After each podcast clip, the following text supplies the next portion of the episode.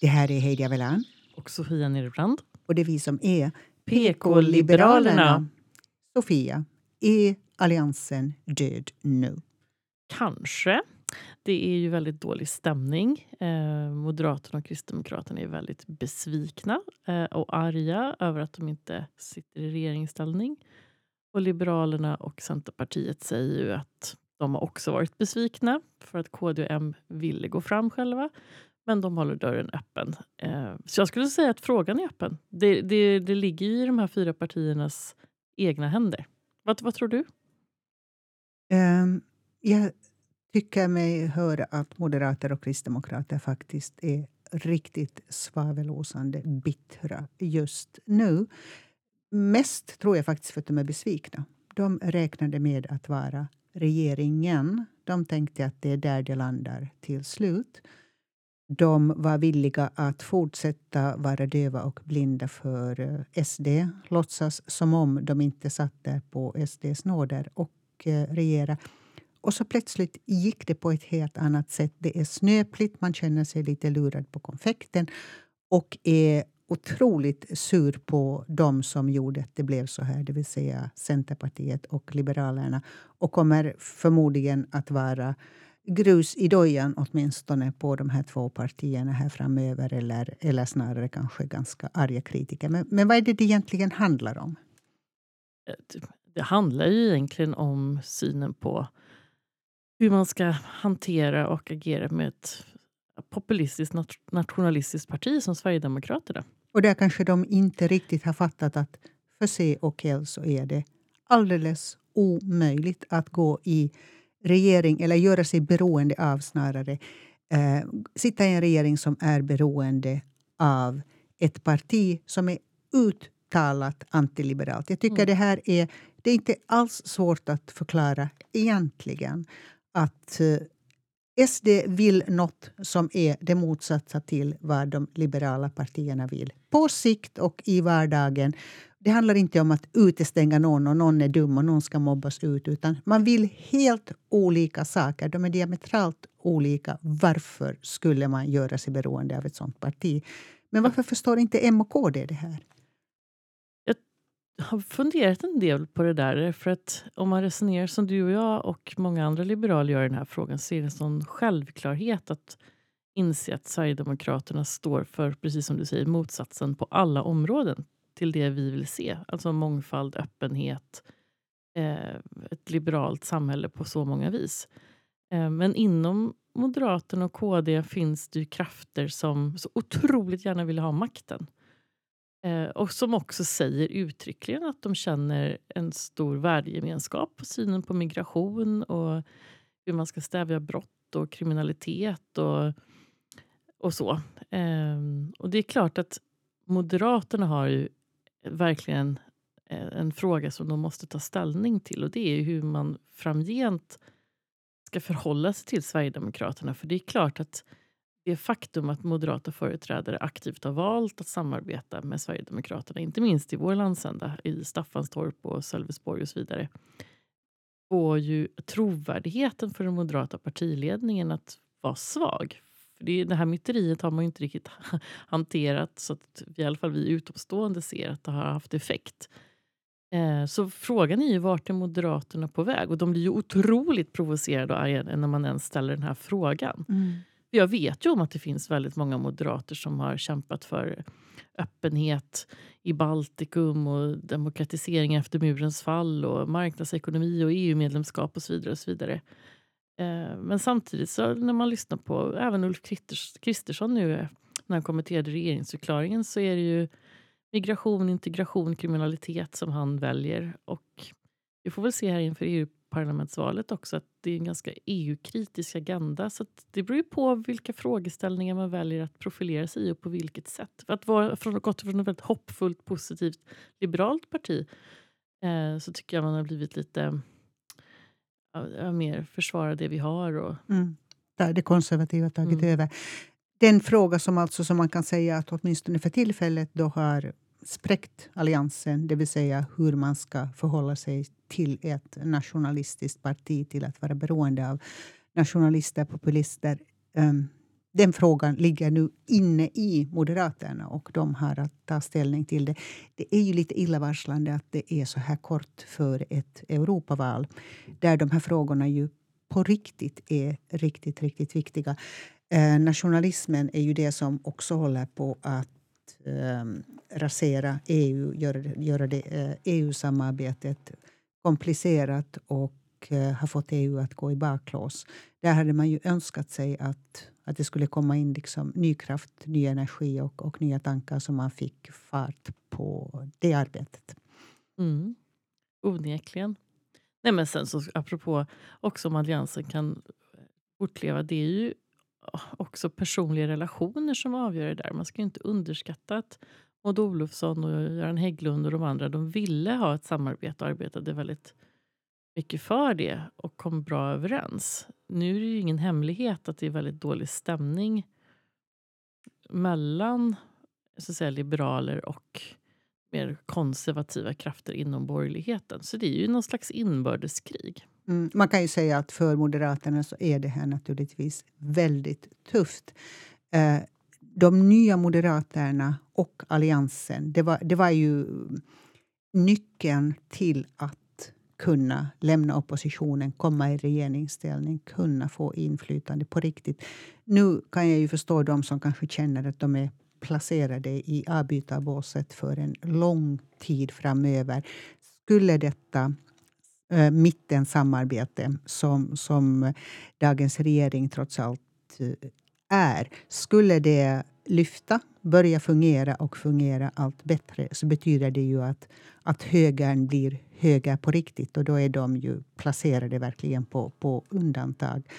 Om inte Sverigedemokraterna skulle fortsätta växa väldigt mycket och man faktiskt fick till det här konservativa blocket. Jag noterar just nu att Jimmy Åkesson talar om det som tidigare har varit det här, hans favoritalternativ, den konservativa samlingen där med KD, M och SD. Olika konservativa partier kallar han nu oppositionen i bestämd form. Han, han liksom har nu annekterat de två andra och gör gemensam sak som opposition. Jag har inte riktigt fått klart för mig hur KD och M ställer sig till detta. För dem, jag tänker att Det måste ju vara otroligt komplicerat för dem, för de är ju de facto opposition. Men eh, jag är inte helt hundra på att alla i de partierna vill vara opposition tillsammans med SD och tala som någon slags enad grupp. Det ska bli spännande att se hur det är. Men, men det är helt uppenbart att inom, inom SD så är det så här man pratar idag. Plötsligt så heter det oppositionen och eh, man har kommit in i någon slags stugvärme. Men absolut, och det gör ju att Moderaterna har ju en det är en väldigt prekär knepig situation för dem. Därför att både Sverigedemokraterna, Kristdemokraterna och för den delen Vänsterpartiet är mycket tydligare oppositionspartier. De går längre i väldigt många olika frågor och de har inte samma interna konflikt som det finns inom Moderaterna. Ehm, plus att Sverigedemokraterna kan ju mycket väl bli det största partiet i ett sånt här konservativt block. Medan självbilden inom Alliansen har ju varit och hela tiden Moderaterna har ju varit det mycket större partiet än de andra tre. Um, och skulle det här mittensamarbetet fungera så tror jag att det kommer dröja väldigt lång tid för en moderat att bli statsminister i Rosenbad. För att även om moderater är otroligt besvikna just nu så behövs nog Liberaler och Centerpartiet eh, för att ja, givet att de kommer in i riksdagen och sådär förstås. Ehm, för att de ska vara liksom det statsbärande partiet. Men det, här, mm. det, så det är vill... det, det, är det jag menar med att Alliansen var ju liksom, mm. det var deras chans och nu kanske den inte finns. Men om vi lämnar oppositionen mm. och går till den här regeringen, det här mittensamarbetet som för många är ett ganska konstigt bygge eller rent av en, en skvader. Jag får väl vara väldigt, väldigt ärlig och transparent här. att Det här är ju det blocköverskridande samarbetet som har varit, som jag har sett rätt länge som det viktiga och riktiga i det här landet för att få fram liberal politik, vilket jag tror är på riktigt bra för Sverige. Och eh, nu har vi fått det i en form där, som känt, två partier fortsätter regering. Det, det rödgröna samarbetet fortsätter. Det gick ju inte så bra under förra mandatperioden, ska sägas. genast till en början. Miljöpartiet eh, hade det ganska tufft med Socialdemokraterna som ju är ett maktparti och, och lite har en tendens att, att mangla de som kommer i, i dess väg. Det blir spännande att se, tycker jag, om, om det nu har kommit en ny logik och en ny politik med att ha Centerpartiet och Liberalerna eh, som stödpartier. De är ju noga med att säga de ingår inte i regeringen, de uppfattar sig som opposition. Men i utbyte mot de här specifika punkterna som finns i det 73-punktsprogram som man är överens om. I utbyte mot leverans på dem så ska de stödja den här sittande regeringens budget. Och det, det är ju ganska tekniskt och det är ganska formellt och det är ganska enkelt. Men i praktiken så kommer politik är ju liksom någonting annat. Det kommer ju att utvecklas till processer. Det kommer kanske att levereras eller inte. Någon kommer kanske att obstruera eller man börjar kanske samarbeta mer än det ser ut på pappret just nu. Vad tror du att kommer att hända? Har den här en chans? Mm. Um, jag tror faktiskt att Socialdemokraterna ser sin chans och Stefan Löfven att få det här blocköverskridande samarbetet som jag tror att vissa socialdemokrater har velat ha av politiska skäl också. Sen finns det en högljudd opposition naturligtvis, inte minst inom fackföreningsrörelsen och så, och vänsterflanken. Men du menar politiskt, de har sett chansen ja, att, att splittra alliansen? Ja, för att... och de, men jag tror att en del av dem faktiskt inte har så mycket emot att föra den här mer den här liberala politiken, politiken mm. egentligen. Eh, jag noterade att Morgan Johansson twittrade väldigt positivt efter att de hade haft möte här i helgen nästan gick ut med den liberala politiken som sin egen. Um. Och det är väldigt viktigt. Jag, in, innan, jag vet att jag ställde en fråga, men jag behöver ändå inflika. Alltså, om man ska göra stora samhällsreformer i Sverige mm. så är det väldigt, väldigt bra om Socialdemokraterna är de som, som håller i rodret just där och då. Det är de som har åstadkommit det som har fått man måste ju liksom ändå få legitimitet för dem. Och hela 1900-talet har ju varit, kan man säga, det var Socialdemokraternas århundrade med de riktigt stora reformerna som, som och som förändrade gjort, Sverige. Och som de ofta har gjort just med Folkpartiet, som det då hette. Absolut, med liksom en, en liberal ja ådra i det. Socialförsäkringssystemen och hela välfärdsstaten bygger ju ofta på blocköverskridande överenskommelser, precis som du säger. Men däremot, och utan dem så går det inte. Nej. Men, men då är mm. min, min fråga är ändå, du, du säger förra århundradets stora parti. Mm. Sen gick det ju i stå. men, men, men, om man tittar på socialdemokratin i Europa så är inte det här självklart längre. Tvärtom. Eh, även Socialdemokraterna har ju stora problem just att vara det här stora samlande partiet. De har lite tappat sin idé och sin ja, mening. Och, och där tänker jag att det här kanske och... kan vara det. Alltså att de liberala reformerna kan i bästa fall vara ett slags nystart i Sverige. Så jag, därför, nu vet jag varför jag behövde avbryta dig när du sa det här med Morgan Johansson. Jag tror att det finns socialdemokrater som faktiskt ser chansen i att få ett nytt projekt. De behöver ett projekt. Det är typiskt sånt här projektbärande och levererande parti. Jag tror ju faktiskt att det kan vara lite otacksamt och nästan lite orättvist. Att det, det, finns ett ganska troligt scenario att Socialdemokraterna med det här lyckas bli det stora mittenpartiet lite mer socialliberalt. Du tycker det är orättvist? Ja, men det, jo, för det, kommer gå, det är orättvist i så mått att de partier som drar åt det här hållet kommer få betala ett ganska högt pris. Och Då tänker jag på Liberalerna och delvis Centerpartiet. Mm. Eh, för det är inte säkert att väljarna kommer belöna de här två partierna som har varit eh, så att säga, de som har brutit alliansen och så. Det är ju en del av historieskrivningen. Um, så på ett sätt kan det bli så att liberalismen vinner men, inte, men de liberal, två liberala partierna kan bli ganska små. Vi får se. överhuvudtaget inte är partist bekymrar mig inte så mycket för det. Jag, jag vill gärna se liberala reformer i Sverige. Jag förstår vad du säger och jag förstår att på sikt man måste ha ett parti som bär liberalismen. Ja, det kommer Socialdemokraterna inte att göra.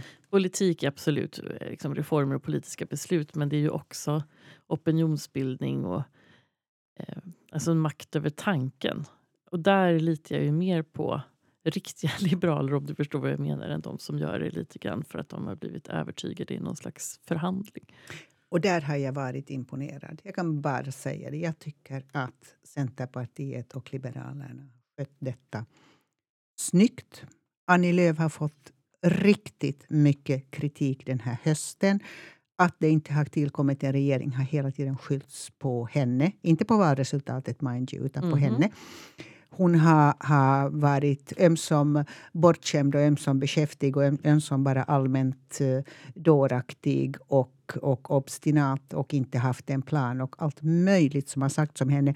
En del av det här sätter jag på det kontot att hon är ung kvinna, smart, framgångsrik. Allt sånt. Det, det är fortfarande lätt, lätt provocerande för rätt många. Men, men det att, att hon har orkat mitt i den här stormen hålla fast vid sin tanke, sin idé, tycker jag ändå att är rätt imponerande. Och Liberalerna som jag har tidigare gett en guldstjärna att de i slutet av valet börjar, börjar tala EU, vilket garanterat inte ger röster men är väldigt viktigt ur ett liberalt perspektiv har också liksom orkat hålla fast vid och vara tydliga med vad det gäller. Och till och med ta, vilket vi visste innan Liberalerna som parti tog ställning till om, om det blir det här samarbetet eller inte, så har de till och med liksom en öppen debatt, inbjuder publik att höra när de ska som parti bestämma sig.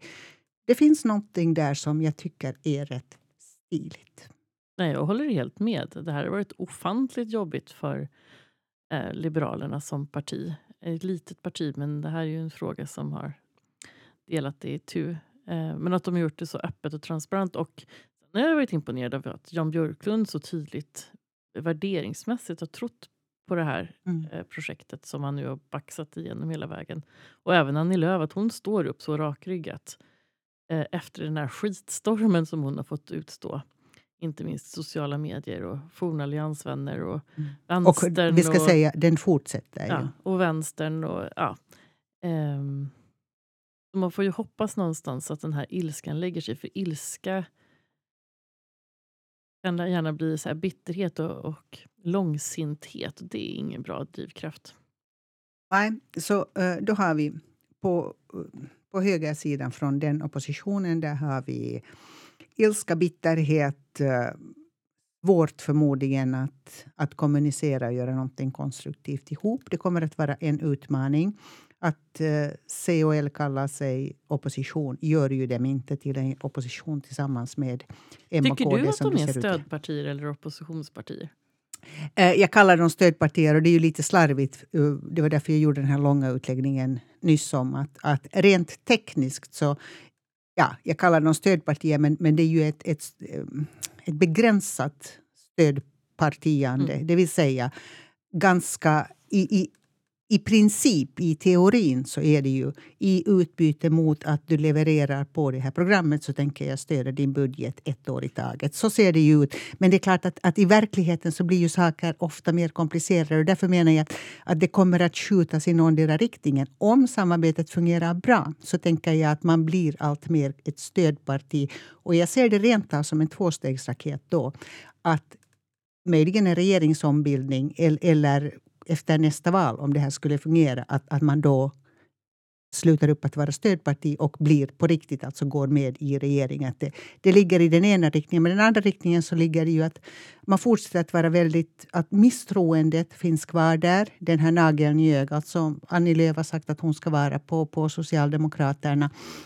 Att, att man spinner vidare på den tråden. Och då blir det kanske rent tekniskt lite leverans på det här avtalet men, men inget samarbete på riktigt. Jag tror att det vore olyckligt. För jag är inte säker på att det ändå i, i fortsättningen på den tråden ligger ett nytt allianssamarbete. Som det ser ut nu så är det lite svårt att säga att Alliansen skulle hitta ett gemensamt projekt och en gemensam arbetsglädje till den grad att, att de skulle växa och bli tillräckligt stora för att, för att kunna breda SD, för att kunna styra tillsammans och ensamma um, inom en, en överskådlig framtid. Så jag vill gärna tro på det här mittensamarbetet. Jag vill gärna tro på att det levererar den liberala politik som Sverige behöver. Och um, jag tänker fortsätta att lite slarvigt säga stödpartiet tills någon är så smart som du och frågar vad jag egentligen menar med det. Ja.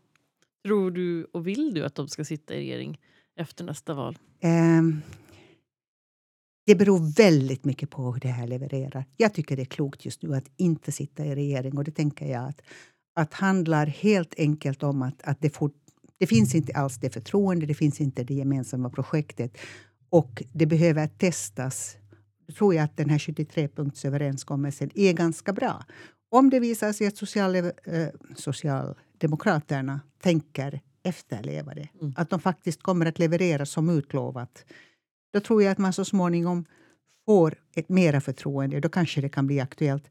Men jag tycker att det är bra att, att ha, liksom, att ha inte en exit här och nu, men att kunna öppna en dörr, att ha en plan för vad som händer om det inte fungerar. Och då kan man, ja du vet, man kan låta bli att stödja budget, det finns misstroende. Det är enklare att ta sig ut ur ett sånt samarbete om man inte sitter i regeringen. För att fälla en regering där man själv sitter, jag tror att den tröskeln alltid är hemskt mycket högre. Hur tänker du? Mm, på ett sätt så är det ju bättre att sitta i regering för då är man med och regerar dagligdags med utnämningsmakt och man kan påverka även utrikespolitiken och så vidare, och så vidare eftersom det är kollektiva beslut. Eh, samtidigt så bygger det då på att man har en tillräckligt stor idégemenskap så att man kan regera tillsammans. Man kan inte ha för stora slitningar. Och det är klart det finns enorma skillnader mellan liberaler och socialdemokrater i en rad frågor. Um, det är nog klokt att man inte sitter i regeringen nu. Det som däremot tror jag är oklokt, det är att inte ha på tjänstemannanivå. Alltså att, att inte, de ska ju inte ha, ha tjänstemän i den här processen mm. utan verkligen stå utanför. Och, och regeringen Um, det är knepigt hur de ska... Om ska det, allt, ja, nej, det hade nog varit klokt att ha politiska tjänstemän. Jag diskuterar med dem i samordningskansliet. Ja. Vissa av de här projekten, är ju, projekten reformen var, var ordet jag sökte, eh, är ju otroligt omfattande. Om vi talar om, om eh, marknadshyror i nyproduktion eller, eller ändrad arbetsmarknadslagstiftning ifall parterna inte klarar av det. Då är det ju jättereformer. Det är, det handlar ju lite om den svenska modellen. Och det här kommer ju att utredas. Så ser det ut. Det är vår grundlag och, och det är vår praxis att man gör ordentliga utredningar. Jag hoppas verkligen att ordentliga i det här fallet betyder att de får ta tid även om det finns ett otroligt symbolvärde i att det levererar. Men det ska göras ordentligt, de ska få ta tid. Det får inte vara några havsverk där. Men det viktiga är ju då sådana utredningar. Vad får de för direktiv med sig? Och där så ska man, det ska man ju göra tillsammans. Så det finns inte politiska tjänstemän på plats. Men om jag har förstått rätt så ska man definiera och skicka, göra direktiven ihop.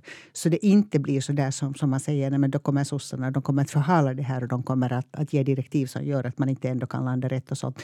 Uh, jag, jag, vill ha lite gott hopp. Jag är lite optimist idag, hör jag.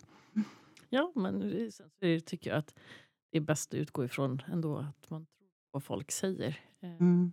Också lite förbluffad över alla som menar att man inte kan överhuvudtaget tro att Socialdemokraterna kommer leverera. Hur vet de det? Mm. Nu har de ingått det här avtalet och lever de inte upp till det då går de ju verkligen miste om världens chans att faktiskt hitta någon form av mittensamarbete som håller över tid. Som de vill ha. Nej, det är klart, de ska, de ska leva under lupp. Det ska granskas hela tiden, det de gör. Men jag tycker också att man kan ge dem Ge dem den här chansen att, att bevisa. Men det, men det är klart att jag kommer... Jag menar, vi har nu en regering som bara har S och MP-statsråd. Det är klart att man kommer ju studsa eh, på Margot Wallströms utrikespolitik. Ja, kan vi inte och... tala om statsråden och, och Magdalena Anderssons jag har, eh, finansministeri. Eh, men om vi tittar förbi dem, för det här är, är de två som, som har varit de har varit svåra för oss båda här mm. under tiden. Men finns det, om du tittar bland statsråden, är det någon som är intressant? Finns det ministrar som du tänker ja, det här kan bli spännande? Jag, ju, jag hoppas ju väldigt mycket på Anna Ekström som utbildningsminister. Hon är ju hon kan frågorna. Klok. Ja, men hon är klok och samvetsgrann och, och hon är verkligen så här, duktig kvinna, eller kompetent kvinna. Um, och hon är öppen. Och jag skulle säga att hon har ju alltid lutat åt det väldigt liberala mm. hållet. Uh, hon har en viktig post, alltså i utbildningspolitiken. Det handlar ju om alltså, framtidsfrågor och nästan vår kultur. Alltså, skolan är så extremt central. Kulturbärare också. En väldigt viktig post. Jag har en sån här favorit, Hans Dahlgren. Som ju är, det är inte alls för att han är så outspoken och transparent som person. Tvärtom. Han är ganska tyst, men han har funnits med jättelänge. Det är snubben som var med på Palmes tid. Um, men jag är glad att han har de väldigt viktiga Europafrågorna och nu finns tätt tillsammans med statsministern. Jag tycker det är en viktig symbol i det. Att visa att Sverige faktiskt är en del av EU. Det här är viktiga mm. frågor mm. i en tid när EU svajar på, på ett oroväckande sätt. Där nationalismen är, är på framväxt och EU liksom inifrån det finns ju tecken på att det imploderar. Så, så då tycker jag att, att det här var en, det var en viktig symbol, men också med mycket innehåll. Jag tror att han kan hantera frågorna. Han har kunskapen, han, han kan diplomatin. Det, det är riktigt bra. Sen så tänker jag att för oss här i Skåne, vad, vad är viktigt för oss? Uh, vi satt och försökte räkna. Hur var det nu? Var det... Vi har väl två kvar. Det är mm. just Ann Linde och Morgan Johansson. De är på uh, viktiga poster. Men tre försvann. Carolina Skog här från Malmö. Gustaf Fridolin som lämnar självmant. Och Helene Fritzon som ju då satsar på, en, på EU-valet. Och eh, Ann Linde har, eh, hon är Nordenminister och Nordenministern har Öresundsfrågorna. Mm, Eller hon har, eh, och, eh, och hon kommer från Helsingborg. Jag tänker, det ger henne en sportslig chans åtminstone att hantera Öresundsfrågor. För vi är tillbaka på en sån här gammal goding som vi alltid landar i då och då. Hur illa Öresund, eller hur föga Öresund syns från Stockholm. Man inte riktigt kan se de utmaningar som Öresund har. Och jag tänker under de senaste åren med id-kontrollen och gränskontrollen, det som vi slarvigt brukar kalla dubbla gränskontroller här, så har vi ju sett hur väldigt, väldigt sårbart här Öresunds integrationssamarbetet är. Eh, jag eh, hoppas att hon orkar Eh, bidra till att få fart på det igen. Den här integrationen behöver någon slags nytändning, ny energi för annars går den i stå totalt. Och sen så skulle jag ju önska... Den här regeringen har många infrastruktursaker på sitt program. Man talar ju om de här snabb, det ska bli snabbspår mellan huvudstäderna och sånt vilket betyder att infrastruktursatsningarna hamnar någon annanstans. Men vi måste fortsätta att tala om en förbindelse till över sundet. Därför att, att det visar sig att det blir väldigt, väldigt känsligt bara med denna bro. Jag hoppas att de kan göra en insats. För det finns ju ett antal gränshinder. Det har ju med handel att göra också. Standarder och lagstiftning. Och hoppas att de kan göra någonting åt det. Mm. Och så var det ju fortfarande det här med beskattningen, men det kanske är att hoppas på för mycket. Så det tar vi en annan gång. Skatteavtalet är fortfarande men det, oförmånligt. Men, men, men så här, apropå att politik har att göra med personer. Det är klart att, att det spelar roll att, att Skåne får färre personer i mm. regeringen. Eh, jag har inte hunnit kolla igenom listan för statssekreterare. Eh, men sådana här saker spelar faktiskt roll för vilka beslut och initiativ inte minst som Skåne har ju 1,4 miljoner mm. invånare snart. Det var nionde svensk som bor här. Så att, ja. Region även för Sverige. Det förstår man inte alltid i Stockholm. Nej, så är det. Så är det verkligen. Du, eh, vi kommer att återkomma till denna regering. Det är väl ett mm. löfte vi kan ge så här utan att darra på mm. manschetten. Men innan dess, har du något bra tips? Mm, nu har vi varit så otroligt fokuserad på svensk inrikespolitik under så lång tid att eh, jag skulle vilja tipsa om allt som händer i omvärlden och då kan man med fördel eh, titta på vad som händer just nu i Davos, eh, det här Economic Forum. Det finns väldigt mycket väldigt bra föreläsningar och panelsamtal med eh, företagsledare, politiker från hela världen. Utom från USA eftersom Trump, ställde in, Trump det. Eh, ställde in då det inte finns möjlighet att ta tjänster. Men det var väl klokt att ställa in. Trump har ställt till det först så att uh, tjänstemännen där in, det finns inte budgetpengar just nu. De får ingen lön. En del tvingas jobba i alla fall. Men han drog ju då slutsatsen att man kan inte skicka de få som är i tjänst iväg till Världsekonomiskt forum i ja. Davos. Och det ligger kanske något i det. Ja, och det är väl också intressant att eh, någon från den amerikanska regeringen var med på länk och förklarade hur viktigt det är med protektionism och nationella gränser. Ja, det var ju Pompeo. Nej, det var ju. Så att det, de fick ju igenom budskapet på det också. Men det, men det säger någonting om vår omvärld. Och det andra är ju hela säkerhets försvarssituationen och en konferens som Folk och Försvar ordnar varje år i Sälen gick av stapeln förra veckan. Och det finns också lätt att titta på nätet. Massor med bra föreläsningar och panelsamtal av en mängd militärer och forskare. Vill man förstå lite mer om vad som händer i omvärlden så är det Davos och Folk. Mm. Jag har också tittat på detta Folk och Försvar. Um, jag hade gärna varit på plats i Sälen, men på grund av det inrikespolitiska läget kändes det... Det kändes som fel plats att vara om man ska kommentera regeringsbildningen. Det kunde ha skötts därifrån också förvisso, det är ju också Sverige. Men eh, det, det, men det är viktigt, det viktiga samtal och där var till exempel fokuset på Kina var inte alls dumt att, att ta del av. Då Vad har du för tips då? Ja, men jag tar något helt annan ände. Jag började året i Tel Aviv en sån favoritplats på jorden som jag blir allt mer nyfiken på. När jag var där så fick jag plötsligt på Netflix så fick jag ett tips om en serie som heter Stiesel. Och jag förstod inte alls vad det var. Det var helt obekant. Och det här är ju trots allt bara några veckor sedan. Det skulle handla om ortodoxa judar. Först blev jag lite lätt paranoid eftersom det var precis när jag satt och planerade hur jag skulle ta mig till Jerusalem. Men efteråt förstått att det var, det var faktiskt bara ett rent sammanträffande. Att, att det var där och då. Netflix hade inte koll på att jag satt i Tel Aviv.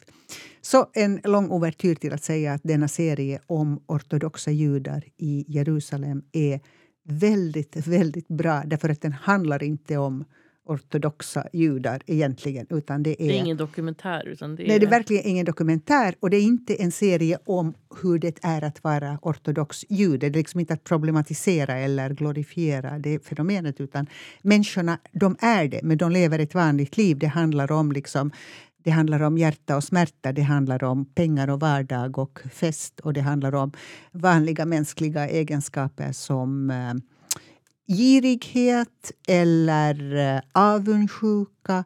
Det handlar om generationsmotsättningar. Precis en vanlig dramaserie, fast ur en annan synvinkel och på ett språk man inte behärskar. Och det blir otroligt intressant. Jag är väldigt, väldigt engagerad i de här människornas liv just nu och kan varmt rekommendera alltså på Netflix eh, serien Stiesel. Häftigt. Och med det så sätter vi punkt och lovar att vi är tillbaka fortare än man anar. Hej då. Hej då.